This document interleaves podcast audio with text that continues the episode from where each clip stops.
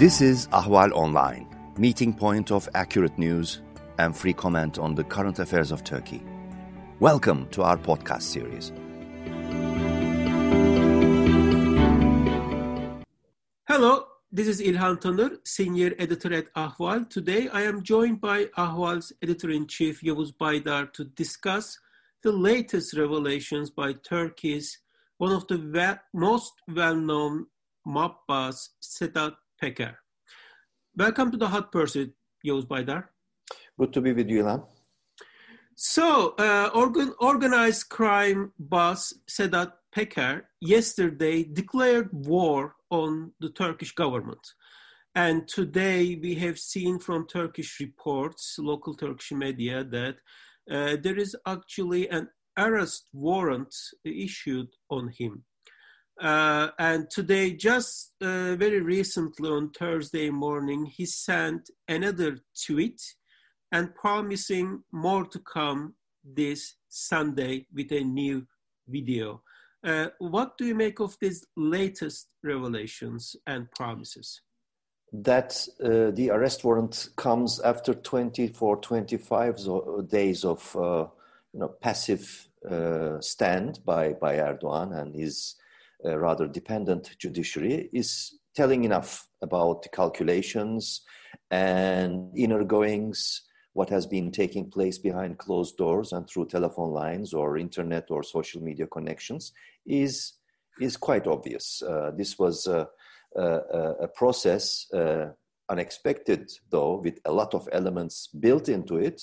This process is is quite um, uh, uh murky from whichever uh, vantage point you look at, and the arrest warrant just comes as a sort of a blip uh, if there was anything uh, serious about these allegations, many other things would have uh, followed, of course, from the very outset. Resignation, possibly by, by the interior minister uh, quite swiftly, or uh, sacking the minister quite swiftly, and also leading immediate uh, uh, rapid legal inquiries into what has been said or alleged by this mobster. So uh, it is a very strange uh, situation. It continues to be bizarre from uh, in many dimensions. And what we can make out of this uh, is that um, uh, behind uh, all these allegations, that includes a lot of uh, connections or uh, implications into narco trafficking, uh, deep state um, activities, political assassinations of a journalist in in uh, for example the one in, in North Cyprus Kutlu Adalı or uh, also inciting hatred uh, in the election campaigns in Turkey.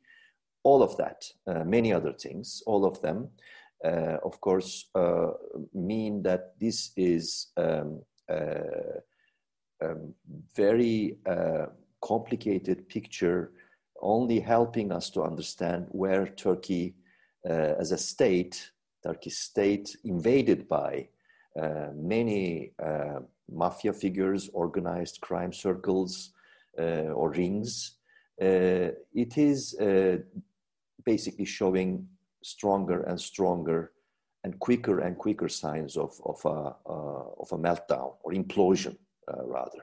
So this is more or less where we are.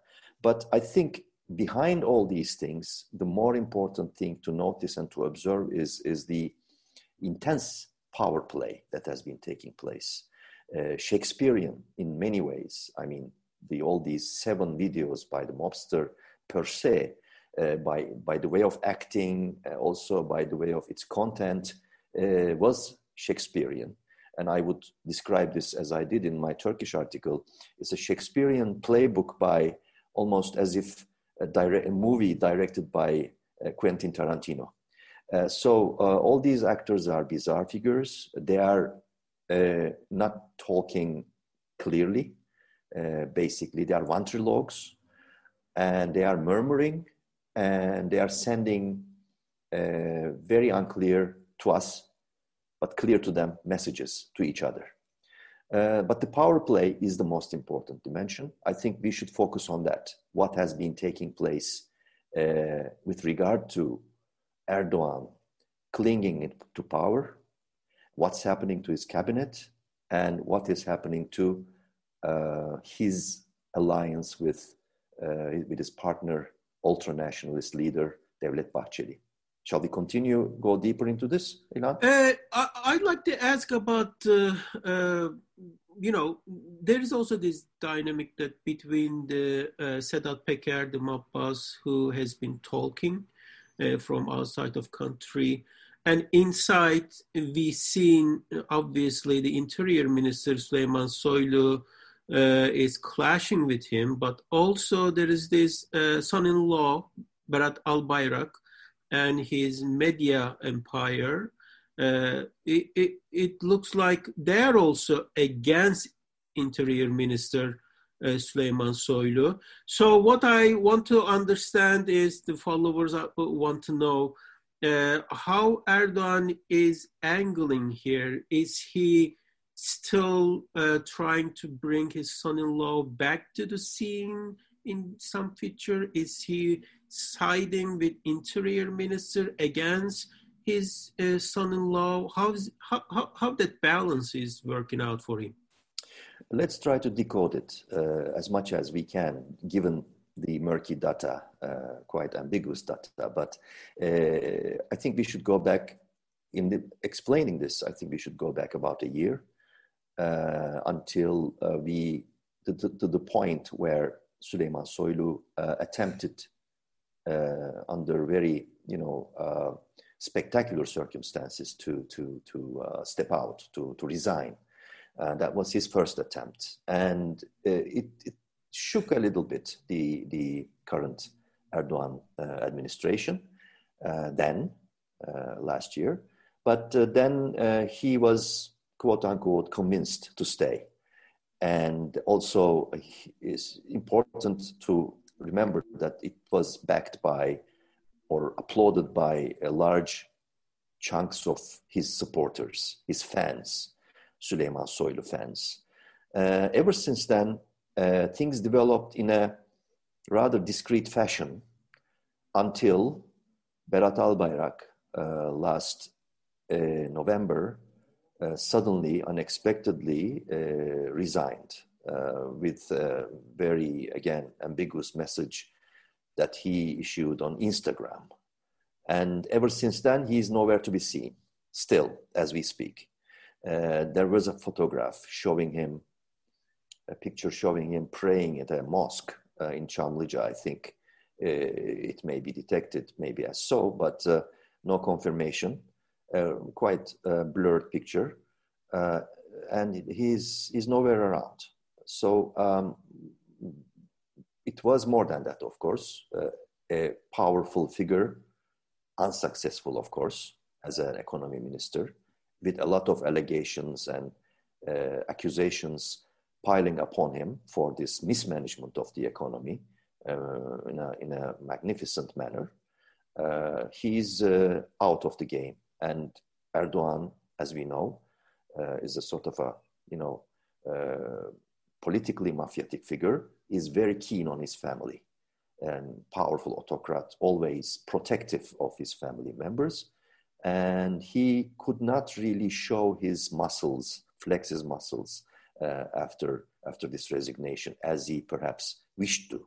So uh, uh, Berat Albayrak's resignation or ousting of his position, him out of the position uh, of, of a person basically uh, running the economy, uh, did not really connect us so much directly to Soylu. But what we knew by then was that Soylu and Albayrak uh, did not really like each other, openly so.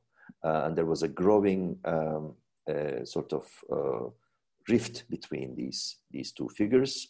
It was also shown in a couple of videos.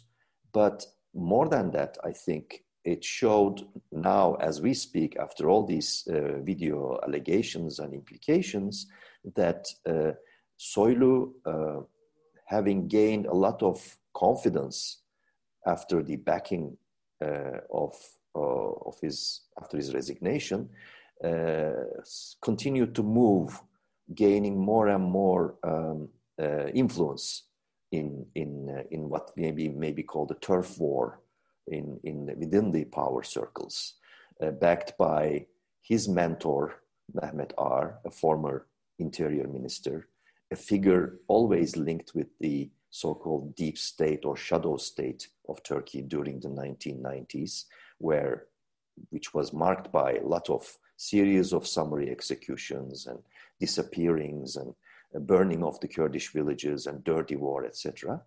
And this uh, constellation that uh, now is becoming more and more clear between Soylu, Ağar, and also the old gang that uh, was pictured uh, snapshot shots between with with Mehmet Ağar like Korkut Eken or uh, some other figures. Engin Alan, also uh, uh, also an ultra nationalistic, uh, rather murky figure, with the addition of Alaaddin Çakıcı, a fierce enemy of Sedat Peker, who is releasing the videos. Uh, Çakıcı uh, is, a, is a convicted uh, mobster, organized crime uh, leader.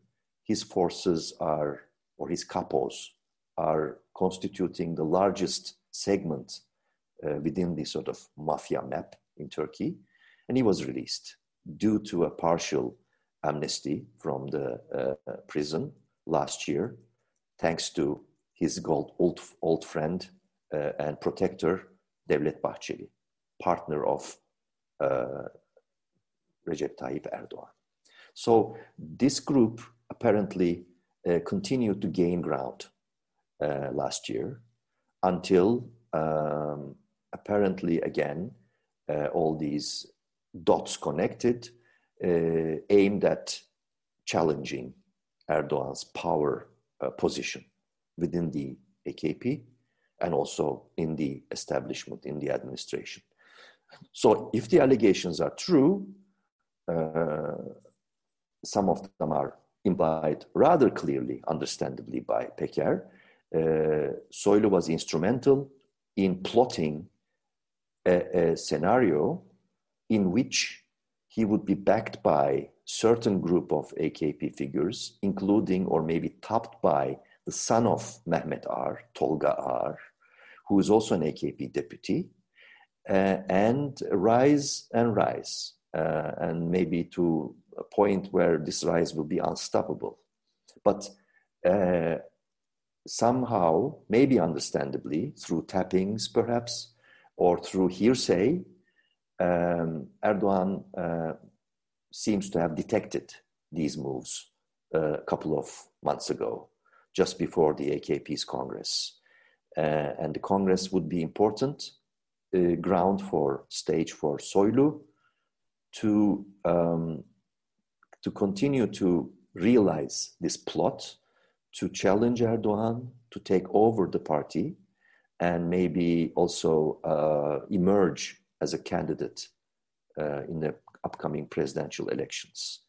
Um, this may sound a little bit sort of a pipe dreamish uh, from an, to, to outsiders, including us perhaps, but uh, this is uh, quite normal for an overly ambitious uh, political figure like Süleyman Soylu.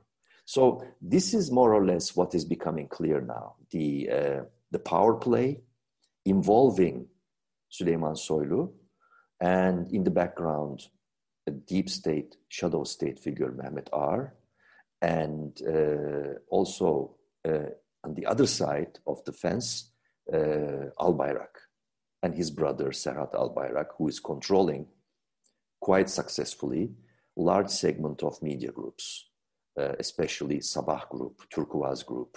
So this is kind of a war, but all uh, that comes down to what will happen to the current power and its continuity uh, and its survival uh, in this in this game. Of course, all these videos normally unexpectedly uh, unleashed a wave of speculation and protests, and it opened again the Turkey's Pandora's box once more uh, about the you know earlier crimes of humanity, uh, dirty dealings, uh, money laundering, and killings, um, especially to the Kurdish segment in the 90s, but also what's been taking place um, sooner, I mean, in, during the AKP rule. But it added some new elements as well. You remember, Ilhan, we were speaking all about, you know, due to Turkey's offensive foreign policy move, moves and uh, sort of um, uh, disarray uh, regarding, you know, institutions in Ankara, such as foreign uh, ministry, uh, kind of, you know, speculations that became more and more uh, prominent, such as the term rogue state, such as the, you know, term autocracy, etc. Now, uh, due to the allegations, we are also speaking about narco trafficking, uh, linking uh, Soylu and, and Ağar and certain other figures, bringing to the fore the, the port of Izmir uh, as the destination from Venezuela and Colombia, uh, and uh, huge amounts of, of, of, drugs, especially cocaine, but also some other chemical substances as well, like Captagon, which is the main uh, driving uh, uh, fuel for ISIS, and all these dealings. So also we are speaking about uh, Marina in Bodrum, whose owner, whose real owner, we still do not know, unable to detect. Uh, but again, this, this group seems to have taken over this, this marina. And Mehmet Ağar. It, Mehmet yes, led by Mehmet Ağar, if the allegations are true. So uh, it is a very complicated picture per se. Uh, and uh, people, the actors involved, accused or accusers, are still speaking and murmur in, in murmuring terms, uh, threatening each other of speaking out more, and the others are in defense, but throwing the ball to the, you know, wherever, whichever court they see. It is a complicated picture, but again, this brings us back to the power play. How will it play out in the in the continuity and survival of the of the of the current um, uh, administration, the government of, of Turkey. So I think it's still early till we know exactly how much more Sedat Peker, the mob boss from outside of Turkey, and what kind of you know other secrets he is going to spill. And uh, I think we'll take it as these revelations will uh, come out. Uh, but my final question would be Süleyman Soylu, the Interior Minister, uh, you know, especially in recent years, uh, inside and outside of Turkey, uh, being discussed as one of the, you know, the future leaders after Erdogan, and the rival was Berat Albayrak. Uh, after these uh, revelations and Peker's accusations and attacks uh, target him and continues to target him, and Erdogan came out yesterday uh, protecting him. Uh, why Erdogan uh, wanted to protect him mm. first, mm. and the second is Soylu more powerful than before right now, or he lost some power? Uh, if uh, I have to give a very short answer, I would say, uh, as of today, the, the, the, the loser is Süleyman Soylu. And the winner is, primary winner is Erdogan, secondary winner following, following him is Bahçeli. But the joker, uh, the, the sort of unknown uh, element is still the mobster Sedat Peker. This is the short answer. Uh, Erdogan came out winning, that is, uh, or more and more in control. Uh, his silence paid well his silence for about uh, three weeks now, or more than three weeks, seems to have paid well. But uh, to explain this, you know, we have to understand the cause and effect of, of this situation. The cause is important because what we are seeing in terms of you know release after release uh, you know of these videos or all these allegations and you know um, the vortex that we see in North Cyprus uh, and also in Turkey involving uh, Turkey's weak and disarrayed uh, opposition, uh, I think the cause is very clear. The uh, uh, reform process, which continued somewhat between 2002 and 2007, more or less, with the European Union accession process in sight, collapsed. And before that, uh, Turkey had this nightmarish 1990s. Even before the nightmarish 1990s, Turkey had been desperately struggling to shake off the uh, military dictated constitution from 1980, which was unsuccessful. Uh, to, to give just a brief idea to our viewers and listeners, there was an attempt in early 1990 with uh, the uh, winner prime minister Süleyman Demirel and his partner, Social Democrat Erdal İnönü, to amend the constitution as much as possible, involving and inviting the Kurds and reforming the Kurdish process, but it died very quickly, followed by a wave of violence and, and breach of human, human rights and dirty war.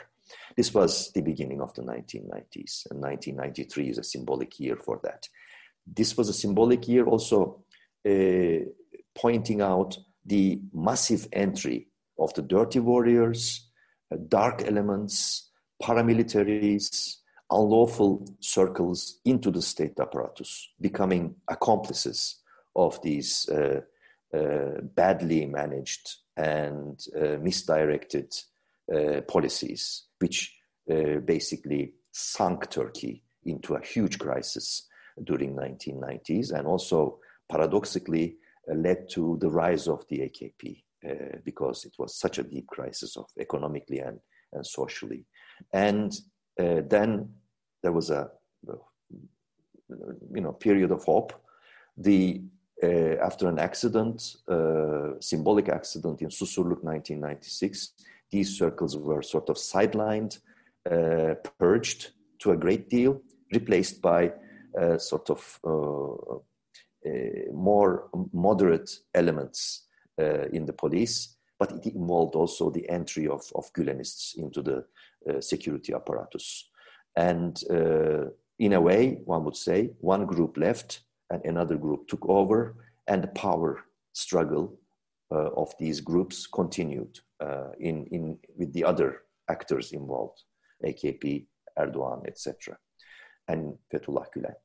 And then uh, things changed again, as they do in Turkey, because uh, there is no consensus, there is no notion of democracy and and and uh, normalization on rule of law, respect for rule of law.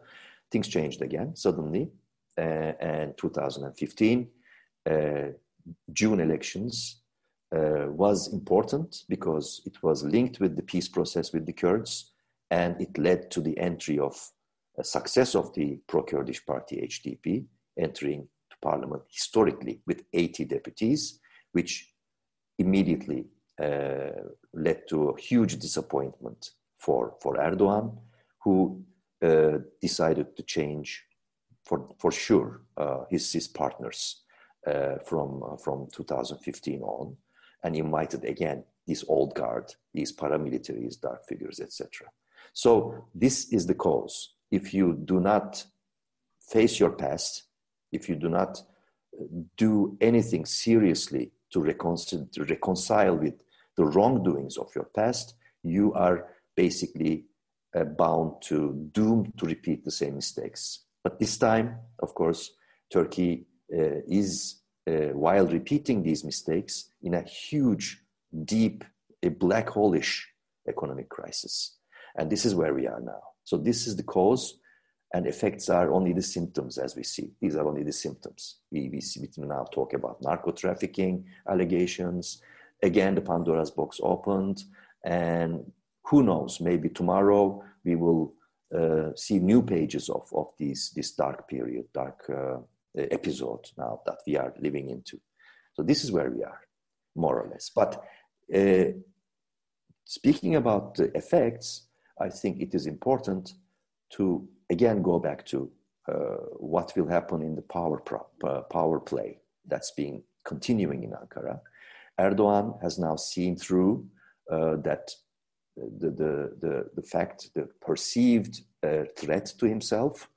And as before, you know, he has faced many uh, threats before during Gezi Park protests, during the June elections, this time with the entry of larger chunk of Kurdish deputies, and also uh, the attempted coup uh, in 2016.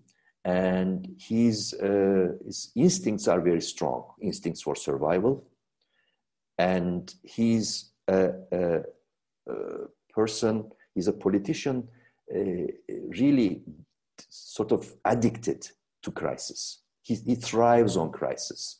So again, we are seeing a new choreography by Erdogan, uh, this time choosing to be silent with the insight that he's aware of how deep the crisis is, economically speaking, aware of how discontented it, his grassroots and his partners' parties, MHP's grassroots, are becoming due to the economic crisis. But he uh, he's choosing for himself, I think, the right uh, right path to cling to Bahçeli and always refreshing this alliance. And in that, he's naturally chosen to uh, continue with Soylu, uh, who is now so um, marred by these allegations that he's basically limping as a politician. He has learned his lesson, quote unquote, and he would not be able to do anything outside the knowledge of Erdogan anymore. So he's like a half dead politician whose future is, uh, his ambitions are, are sort of uh, sunk and whose, uh, whose, uh, whose, whose future is very unknown. So what we will expect that Erdogan is shaken, yes, but not stirred. And all the indications and messages that he's been giving is that he's going to going to double down and he's going to be much harder, promising a much tougher period ahead uh, no matter what, he is decided, determined to continue to keep and cling to power together with his uh, partner in destiny, uh, brother in arm, Bahçeli, no matter what, and using all the instruments to, to, to bash whatever remains of, of, the, uh, of the opposition. So uh, we should not be surprised. As some more revelations come uh, there will be more and more lawlessness, more and more um, indifference to the uh, opposition or tiny parts of the sort of critical media calls for um, you know inquiries etc etc but preparing the ground for uh, sort of uh, quasi elections to stay in power this is what I think what we should read, in, read into this. It may be a little bit long to explain, but as complicated as the picture is, I think it, it, it requires such an explanation. Okay, and by the way, uh, Sedat Peker, uh, the mob boss, uh, is still promising to give uh, more videos for this Sunday. And yesterday, on uh, May 26, he also indicated perhaps he's now turning against President Erdogan. Uh, it was not fully clear, uh, but he gave some indications that he might start attacking directly Erdogan. We will see if that will happen this Sunday, but certainly uh, a lot of people in Ankara uh, should be scared uh, of uh, what might come out. So far, uh, Peker, I think, is meeting with expectations. He delivers uh, very important uh, uh, revelations that he also confesses that he was a partner in crime. So that makes it even more uh, important, uh, I think, and brings more credibility. Even though he's a mob boss, mm. he says he's confessing the crimes that he was partner or his brother uh, confessed the other day uh, that he was part of the assassination plot against the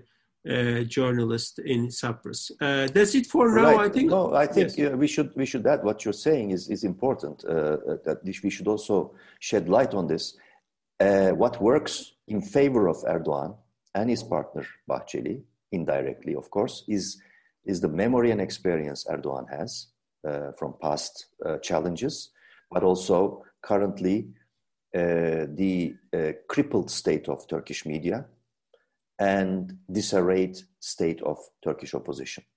Erdogan is fully aware of the fact that these two elements, plus his memory and experience, will work uh, in his favor uh, to uh, whatever he wants to uh, uh, design in terms of his, his roadmap.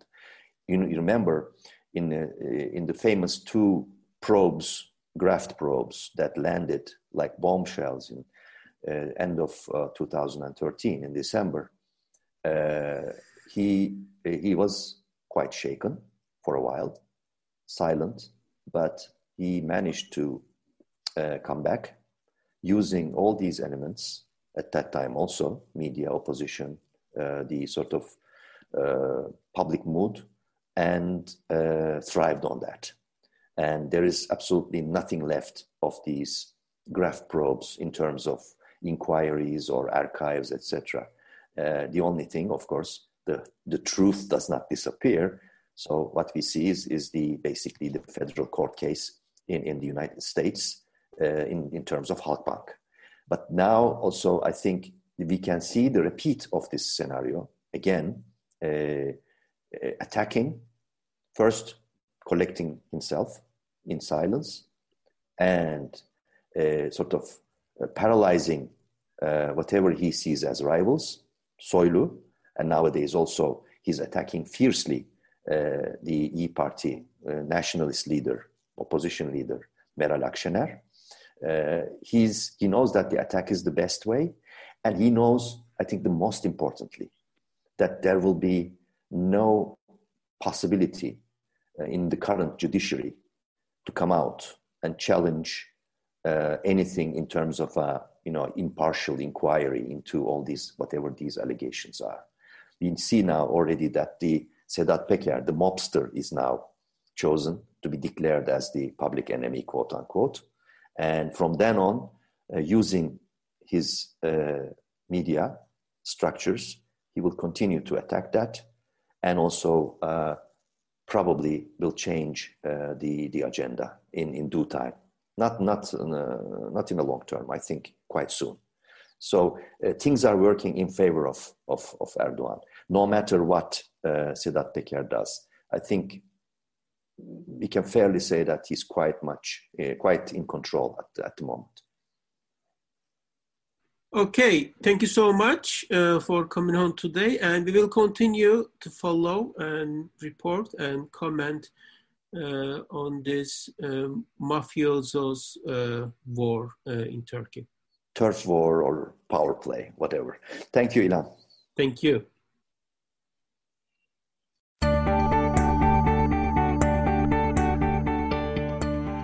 You can follow Ahval News Online podcast series through Apple Podcasts, Spotify, YouTube, Google Podcasts, SoundCloud, and Spreaker. All you need to know about Turkey is here for your ears, mind, and attention. Thank you for listening to our podcast.